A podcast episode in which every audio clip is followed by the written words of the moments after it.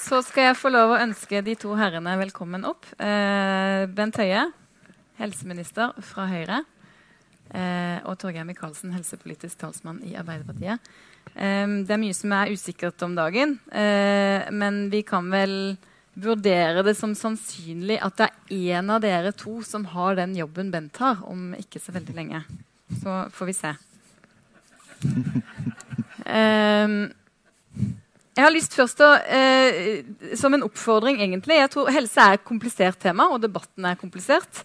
Eh, og ofte så kan det kanskje være vanskelig å se forskjell på partiene eh, i diskusjoner om pakkeforløp og behandlingsvalg og tolkninger av hvordan man skal forstå ventelister. Og, og det kan være lett å miste av syne verdivalg, politiske motsetninger. Hva er forskjellen på dere to? Så det tenkte jeg skulle hjelpe folk litt med å, å forstå i dag. Eh, jeg har lyst til å spørre begge først. Eh, først deg, Bent Høie. Er vi på vei mot et todelt helsevesen? Altså, jeg eh, mener at vi i Norge har alle forutsetninger for å unngå det. Men, og da tenker jeg på overordna, og det er òg det som folk sier. Sånt, fire av fem sier jo at de ikke kjenner seg igjen i den beskrivelsen. men allikevel så mener jeg at hvis vi ser på om vi lykkes med å løfte de som har de største behovene i den norske helsetjenesten nå, så er svaret mitt på det nei. Eh, jeg ser jo at der som vi kanskje har den største sosiale ulikheten på helse, er for mennesker med rus og psykiske helseutfordringer. De har i dag en forventa levetid i Norge som er 20 år kortere enn befolkningen ellers. Eh, og Det er den virkelig store ulikheten. Eh, og det er jo enda mer alvorlig når vi går bak og ser årsaken til det.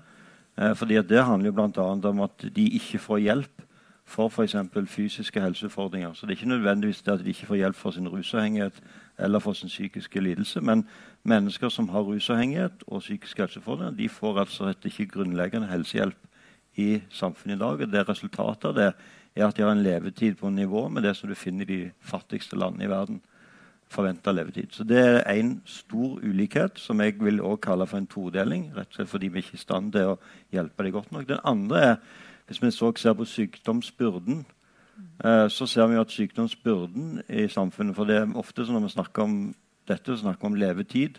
Men eh, folkehelse handler jo både om levetid og kvaliteten i de årene som en lever. Og sykdomsbyrden er jo veldig sterkt knytta til muskel- og skjelettlidelser, psykiske helseutfordringer og, og, og, smerte- og utmattelsessykdommer.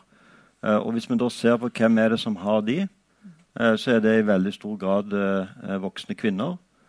og når du da kombinerer det med den pårørendebyrden, som òg ser at de i all hovedsak tar, så er vi faktisk kommet til den situasjonen at den første generasjonen kvinner der liksom de fleste gikk ut i arbeidslivet, er òg nå eh, en generasjon som der veldig mange presses ut av arbeidslivet i en kombinasjon av sykdomsbyrde og omsorgsbyrde.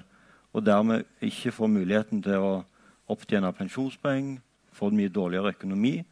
Eh, sånn at det, det, er nok kanskje de to områdene som jeg ser at vi har enormt mye ugjort for å sikre at vi har både et velferdssamfunn og en helsetjeneste som Eh, som, eh, som, eh, ikke diskriminerer, og som, som, skaper grupper som faktisk blir hengende ganske mye etter. Mm. Torgeir, har vi et todelt helsesystem i Norge? Så jeg har fått det svar, spørsmålet mange ganger nå i valgkampen. og Jeg pleier å svare ja, men. for jeg er enig i veldig mye av det Høie sier.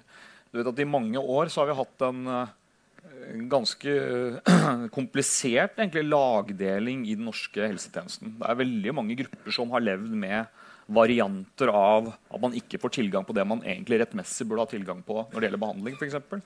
Eh, det finnes store geografiske forskjeller eh, som ikke vi kan forklare ut fra medisinske behov. F.eks. er det enkelte sykehus som behandler skuldre på en helt annen måte enn folk med like vondt i skuldra i en annen region. Eh, og ja, Bent nevner en del andre eksempler på grupper som har levd med dette lenge.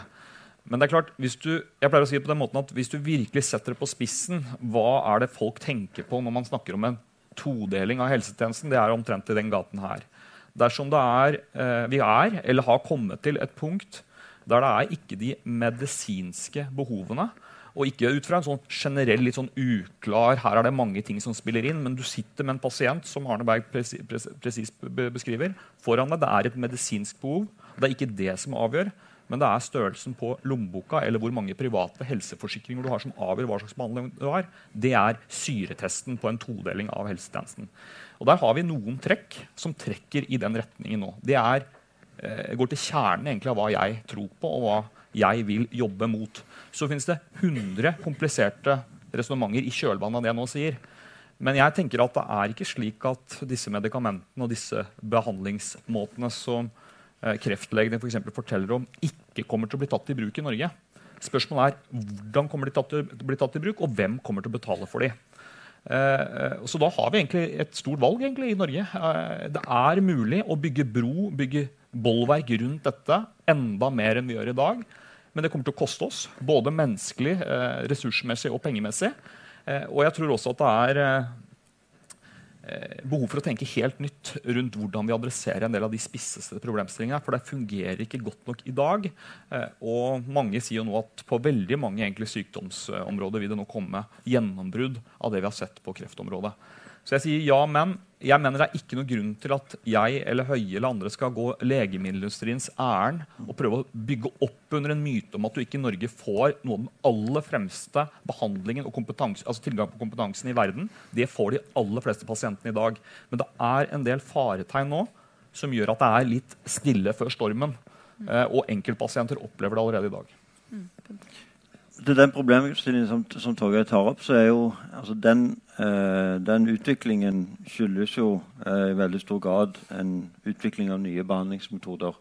Og at vi har et eh, system som innebærer at legemiddelindustrien i de årene de har patent, har en ekstrem markedsmakt i møte med myndighetene som de vet å utnytte.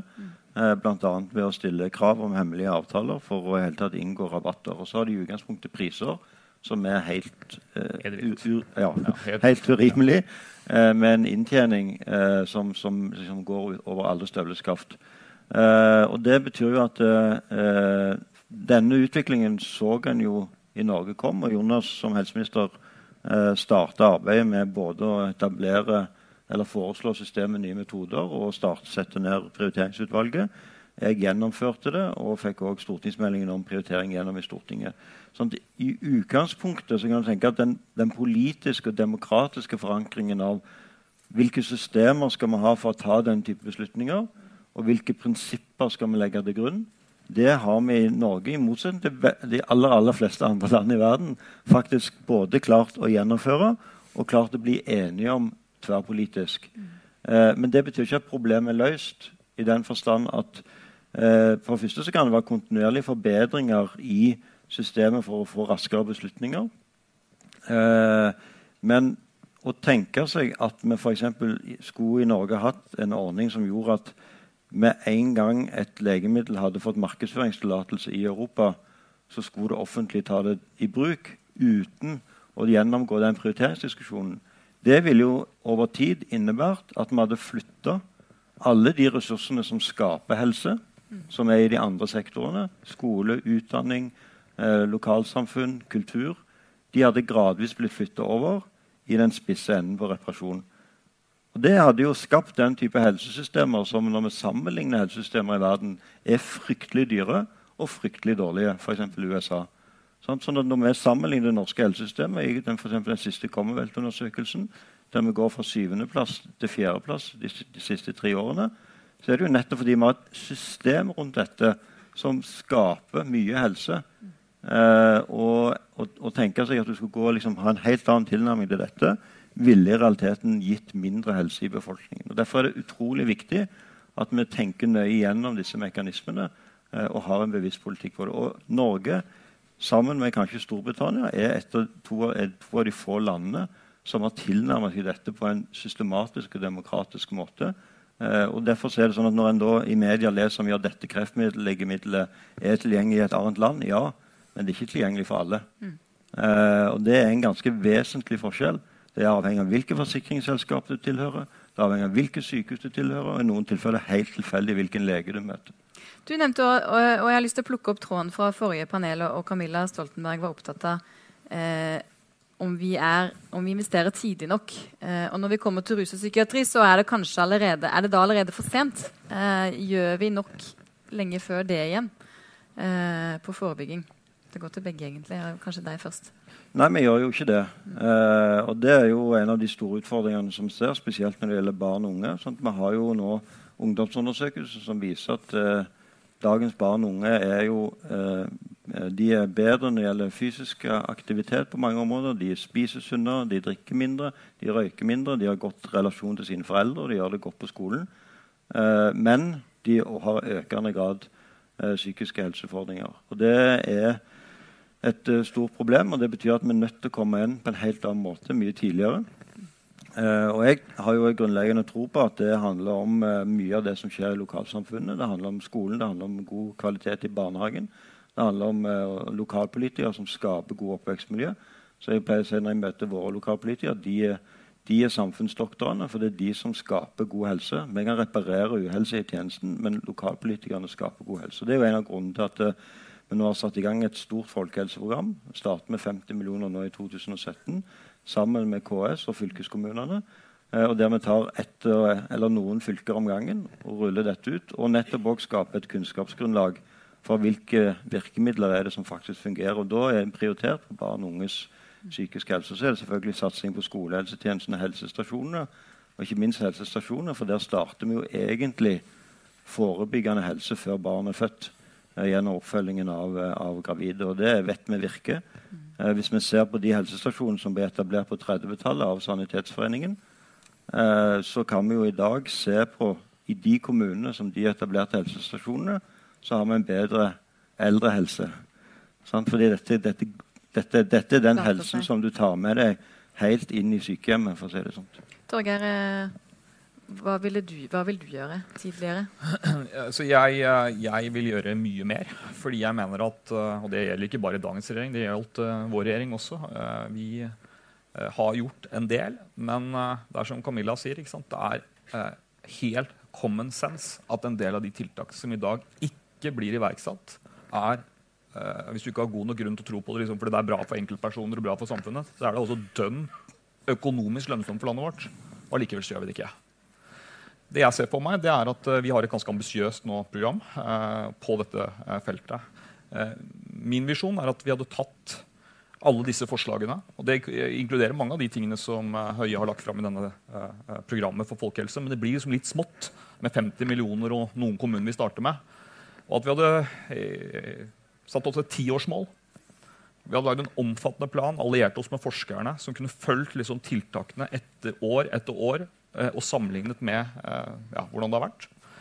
Eh, og at vi hadde målt da alle statsbudsjettene våre hver gang det er statsbudsjettbehandling i regjeringen, så burde dette dokumentet hentes fram. Og mange av tiltakene som er på bordet, bør måles mot hva vi har lovet.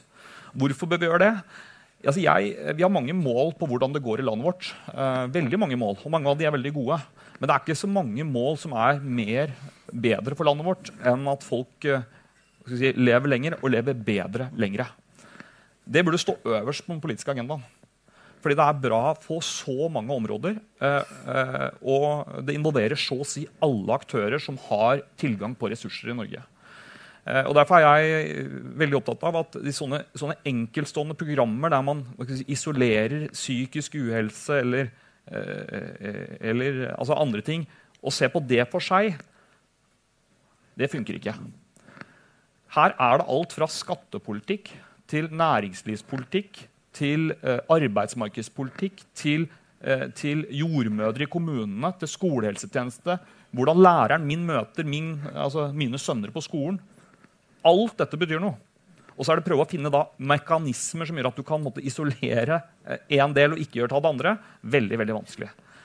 Så dette er både folkehelse- og forebyggingsproblem i dag. vil jeg si. For det blir alt og ingenting. Men det er det det egentlig er. Mm. Og da må vi gjøre mye mer. Eh, noen forskere på jeg tror det er Høgskolen i Oslo Akershus har sett på alle de reformene vi har gjort i, i, helsesektoren de siste årene, og peker på at de har hatt mange gode formål, men det er ingen av de som egentlig har forsøkt å redusere forskjeller. Eh, hva vil du si innenfor helsesektoren er det viktigste som har skjedd for å redusere forskjeller i, i, i helse? Ja, Det viktigste som har skjedd, det har jo Camilla allerede vært inne på, det er jo kampen mot tobakk. Eh, for Det er hovedforklaringen fortsatt på sosial ulikhet. Det er fortsatt 6000 mennesker i Norge som dør hvert år for tidlig mm. eh, som følge av tobakksbruk. Så det som Dagfinn Høybråten fikk gjort med røykeloven, og det som vi nå gjennomfører på standardiserte tobakkspakninger for å unngå at nye generasjoner blir avhengig av tobakk, det er sånne tydelige tiltak som, som, som liksom er det som har størst effekt. Eh, jeg har òg veldig stor tro på det samarbeidet som vi nå har med, de, med næringslivet som selger og produserer maten i Norge. Nå har vi eh, eh kobla de på Folkehelseinstituttet, Helsedirektoratet, og vi sitter og møtes jevnlig. og det tar beslutninger som reduserer salt, sukker og metta fett i den maten som alle spiser. Eh, og Det er klart at det er små endringer. Ingen av dere har merka at det har blitt mindre salt i brødet det siste året, men det har det.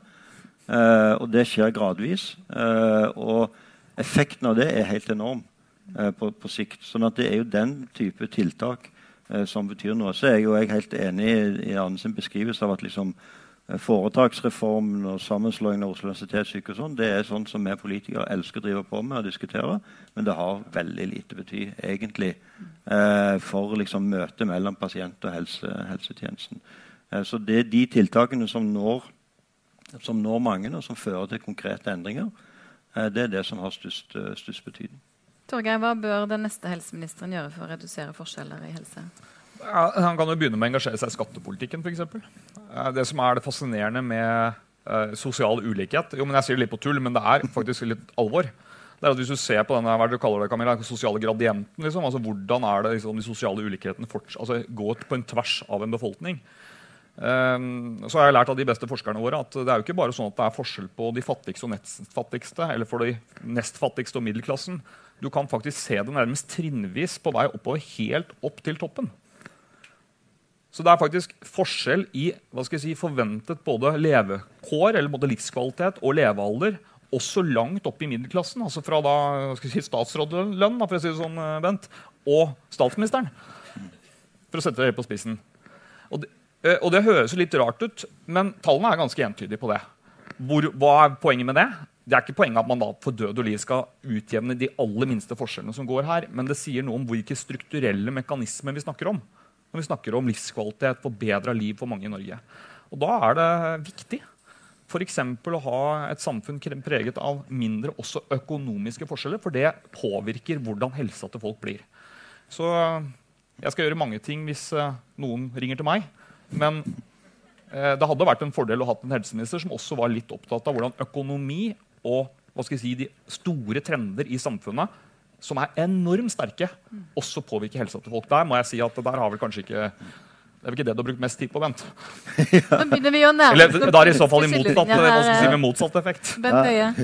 Nei, Det har jeg brukt mye tid på. Ikke minst er jo dette et uh, tilbakevendende tema når vi møtes og diskuterer. Uh, så, Som dere gjør ganske ofte. Som vi gjør ganske ofte. Jevnlig møtes, uh, ja. Jo, jo. møtes hver dag. Du må fortelle om den skjorta. ja, ja. ja, det var en, en begynte å avtale at vi måtte nesten ringe som morgenen som ikke hadde lik skjorte og lik dress på oss. For det, ble, det var noen som ikke begynte verken høre eller se forskjell på oss. Uh, til slutt. Det var kjempehyggelig. Det var to damer som kom i samme kjole sammen i selskap. Men, men, det er jo uh, sånn at uh, jeg, jeg, mener jo at den skattepolitiske debatten i Norge er jo altså, for å si sånn, Hvis vi hadde hvis ingen, altså Vi går heller ikke til valg på å fjerne formuesskatten, men hvis vi hadde gjort det, så hadde det eh, slått ekstremt lite ut på forskjell i Norge hvis vi måler økonomisk forskjell, altså forskjell mellom folk. Og vi hadde heller ikke beveget oss i forhold til at vi faktisk ligger i toppen eh, internasjonalt på, på eh, økonomisk likhet. Men når vi diskuterer denne type spørsmål, så er det jo ikke fordi at vi ønsker økonomisk ulikhet i Norge. Det er rett og slett fordi vår analyse er at det som er avgjørende for eh, å sikre at vi får likhet i vårt samfunn, det er arbeid. Og Der har Høyre og Arbeiderpartiet ulike svar på hva er det som skaper og trygge arbeidsplasser i Norge. Og Det er helt fair at vi har ulike løsninger på det. Det er jo derfor det er med ulike partier.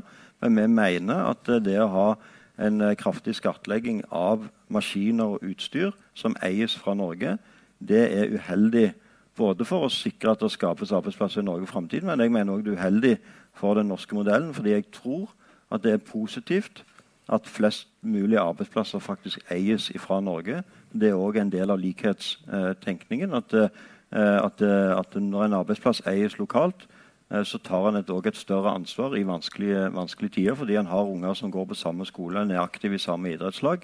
Og Det ser jeg iallfall i mitt hjemfylke Rogaland når vi har hatt tøffe tider. At de bedriftene som eies lokalt, der har en stått i det mye lenger for å sikre folks jobb enn de som kan ta beslutningen i Houston eller Singapore. for da er det bare et knips. Vi skal få en superkort replikk på formuesskatt, men vi skal ikke bruke mye tid på formuesskatt. Nei, nei, det var ikke meningen å starte det. altså, det var bare å si det. Som, altså, uh, og, altså, det er, dette er jo velkjente argumenter, og det er jo noe i noen av de. Det er jo ikke noe tvil om det. Det er jo alltid en avveining når man skal gjøre ulike politiske valg. Sånn er det også i den store hva skal jeg si, skatte- og økonomiske politikken. Uh, men problemet er at jeg synes at høyrepartiene det gjelder over hele Europa, har en tendens til å De snakker om den siden av historien. Det er greit. Men da må man også tørre å innrømme at en del av de grepene som er gjort i mange andre land, og det grepet som du nå snakker om, Bent, har effekt også på den uh, sosiale ulikheten i et samfunn. Så man kan godt mene det, men det har en del effekter.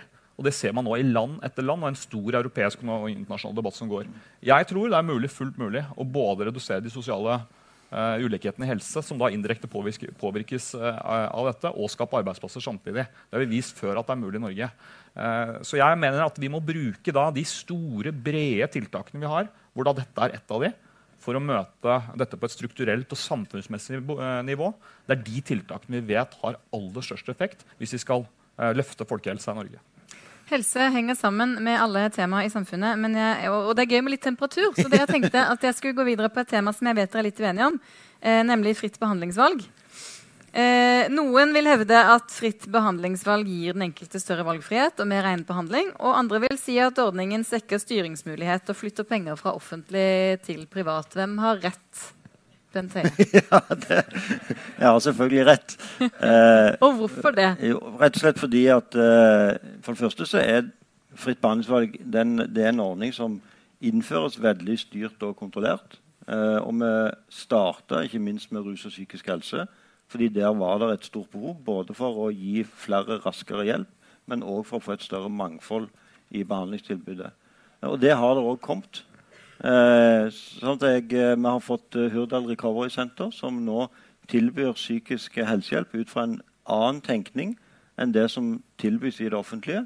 Eh, det betyr ikke at det er lavere medisinsk kvalitet. Nei, det er de samme kompetansekravene til de som jobber der, men de har en litt annen tilnærming eh, i behandlingen. Og Det gjør at eh, der møter jeg pasienter som, eh, som, sier at hvis ikke dette tilbudet hadde blitt etablert, så vet ikke jeg om jeg hadde vært i live i dag, fordi jeg har vært tvangsinnlagt 150 ganger. Eh, ikke, har, det er ikke det at jeg ikke har fått hjelp, men den hjelpen jeg har fått til nå, er feil. I går var jeg i, i Bergen, på tolvtrinnsklinikken. Hadde heller ikke eksistert uten fritt behandlingsvalg. Eh, Anne som vi møtte der, hun sa hadde det ikke vært for dette, eh, så hadde jeg sannsynligvis ikke vært i live i dag. Og den type behandlingstilbud var i ferd med å bli fasa ut eh, under, under forrige, forrige, regjering, og nå, nå, blomstrer det opp igjen. Så jeg mener at eh, det har eh, viktig, Men så er det noen premisser i dette som er avgjørende. Det første er at det er et klart krav at de, de pasientene som skal få den valgmuligheten, de skal være vurdert ut fra de samme kriteriene. altså De skal ha en rett til behandling. Det er ikke sånn at vi gir, eh, gir andre eh, muligheten til å få behandling enn de som faktisk er prioritert av det offentlige systemet. Og det andre er at vi har sagt at Innføringen av fritt behandlingsvalg eh, det skal ikke true eh, offentlige fagmiljø, sykehus. Så vi gjør det ikke på områder der f.eks. en eh, risikerer at hvis en etablerer et privat eh, tilbud ved siden av, så tapper en eh, det offentlige sykehuset for kritisk kompetanse. Er, men jeg mener at det er et viktig virkemiddel både for å redusere ventetid, skape mer mangfold og eh, ha en helsetjeneste som hele veien har i bevisstheten om at det er pasientens helsetjeneste, det er ikke systemets helsetjeneste. Og Der er det en ideologisk og politisk forskjell mellom Høyre og Arbeiderpartiet. og det den vil vi gjerne høre mer om. Ja, ja det er jeg enig i. Her finnes det både en verdimessig forskjell, men først og fremst uh, en forskjellig syn på hvordan man smart bør hjelpe flere pasienter i Norge. Uh, hver dag i Norge nå så står det tusenvis av pasienter og venter på behandling. De har alle fått saken sin vurdert etter medisinske kriterier på et sykehus eller noen som har avtale om å gjøre det. Uh, jeg pleier å bruke historie, uh, så, så, så, Og det er viktig at alle de så, mm, kommer til et sted de kan få hjelp uten unødvendig venting. En god del pasienter skal vente av medisinske grunner. Det er viktig å uh, uh, være klar over. Men veldig mange bør komme så raskt som mulig da, til hjelp. Uh, og jeg pleier da å bruke det bildet om at hvis du ser for deg at du har vært på fastlegekontoret, du har snakket med legen, da er et eller annet som feiler deg. Som du og legen eller legen har funnet ut at dette bør ses til av en spesialist. Du får med deg henvisning i handa. Går du ut gjennom venterommet på legekontoret ut på gata, der møter du en god del andre pasienter som har vært på samme kontor. De står også med henvisningen i hånda. Plutselig så kommer det en dame bortenfor, altså borti gata i hvit frakk og som et stort skilt som det står 'Helse AS' på. Og Så sier hun da ikke til alle de som står der. For hun plukker ut den som hun selv vil behandle. Og så sier hun 'Hei, hei, kom, bli med meg. Jeg kan hjelpe deg.' Du kan også gå rundt hele køen. Du trenger ikke å vente. Men du skal vite det at eh, de pengene jeg får for å behandle deg, de trekkes av sykehusbudsjettet som skal behandle de andre som står igjen på gata. Dette er, et, altså dette er et tenkt eksempel, men et ganske reelt eksempel. Og Det viser hvor urettferdig det er. Det viser at vi har lagd en eh, si, alternativ runde rundt da, de prioriteringskriteriene vi har laget i Norge. For Bent pleier å si at alle har rett til behandling. Ja, selvfølgelig har alle rett til behandling, Men alle vet at etter at rettighetsvurderingen til pasienten er blitt gjort, så gjøres det en rekkefølgebestemmelse i den norske helsetjenesten. De som må ses til det, altså, jeg, Du pleier alltid å riste på hodet når jeg sier dette. her, men det er, det er, altså, det er bare Vi kan jo høre med Marit etterpå om det er en form for rekkefølgebestemmelse hvor man da ser til de som raskest må ses til først, så de som kan vente litt, og deretter de som ja, tåler å vente noe lenger så er ikke det en statisk øvelse. Det er fullt mulig å både øke eh, si, behandlingstilbudet, effektivisere, gjøre det mer smartere. Men det er uansett slik at det aldri kan være sånn at alle pasienter som har fått rettighetsvurdert saken sin, umiddelbart vil få behandling.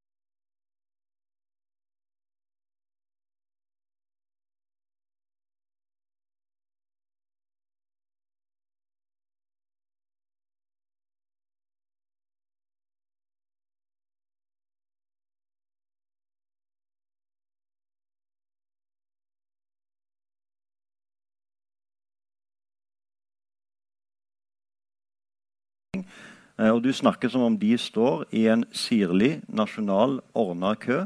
Det vet du at de ikke gjør. Det har jeg ikke. Eh, og det betyr at den fremstillingen som du gir, den er ikke korrekt. Og Dessuten så har det jo da en stor betydning at vi innfører dette nettopp for de pasientene som har eh, i noen tilfeller helt avgjørende livsnødvendig behov for et annet type hjelp. Eh, og Det som jo er problemet med din ordning, er at du kommer verken til å kunne garantere at, at uh, Hurdal Recovery Center Karmsund ABR, eh, tolvtrinnsklinikken i Bergen, kommer til å ha noen mulighet til å eksistere med ditt opplegg. For du kommer til å kjøre rent anbudsprinsipp. Eh, og det vet vi hvordan det gikk når dere gjorde eh, det under forrige regjering. Da sto Finnmarkskollektivet, da sto Føniks Haga. De hadde nærmest stengt dørene før vi, før vi, overtok. og Det er den situasjonen vi vil komme tilbake til. og Det betyr at mange rusavhengige i Norge kommer til å få mindre valgfrihet, kommer til å måtte vente lenger. Eh, og de kommer til å oppleve at det mangfoldet av behandlingstilbud som de nå har, det vil bli eh, Det tror jeg ikke vi blir enige om i dag. Heldigvis skal dere møtes flere ganger i valgkampen og diskutere både helsepolitikk og fritt behandlingsvalg. Jeg har noen veldig korte spørsmål helt til slutt, og dere får bare lov å svare med ett ord eller ja nei. Ja, det elsker vi begge to. Det er... er det for mange som har privat helseforsikring i Norge, Bent? Ja. Torgeir? Ja. Er det et mål for helsepolitikken å redusere forskjeller? Torgeir? Ja. Bent? Ja. Trenger helsesektoren mer konkurranse eller mer samarbeid? Bent? Samarbeid. Det var ikke et ja-nei-spørsmål. det. Nei, det var ett ord. Jeg sa det. ja, altså samarbeid, men jeg er ikke enig i at han besvarer det. Trenger folkehelsearbeidet og forebyggende arbeid mer penger enn i dag? Ja. Ja. Hva skal folk stemme på da, dere? Bør det offentlige ja, Bør det offentlige dele på regningen f.eks. ved privat kreftbehandling? Torgeir? Hva mener du med dele på? Altså, vi tar jo mesteparten av regningen i dag. De som kjøper privat behandling. Altså, hvis du kjøper den alle priser? Nei, det mener jeg ikke. Nei. Det skal tilbys i det offentlige. Det var det vi hadde. Tusen takk for at alle kom. Takk for i dag. Vi ses.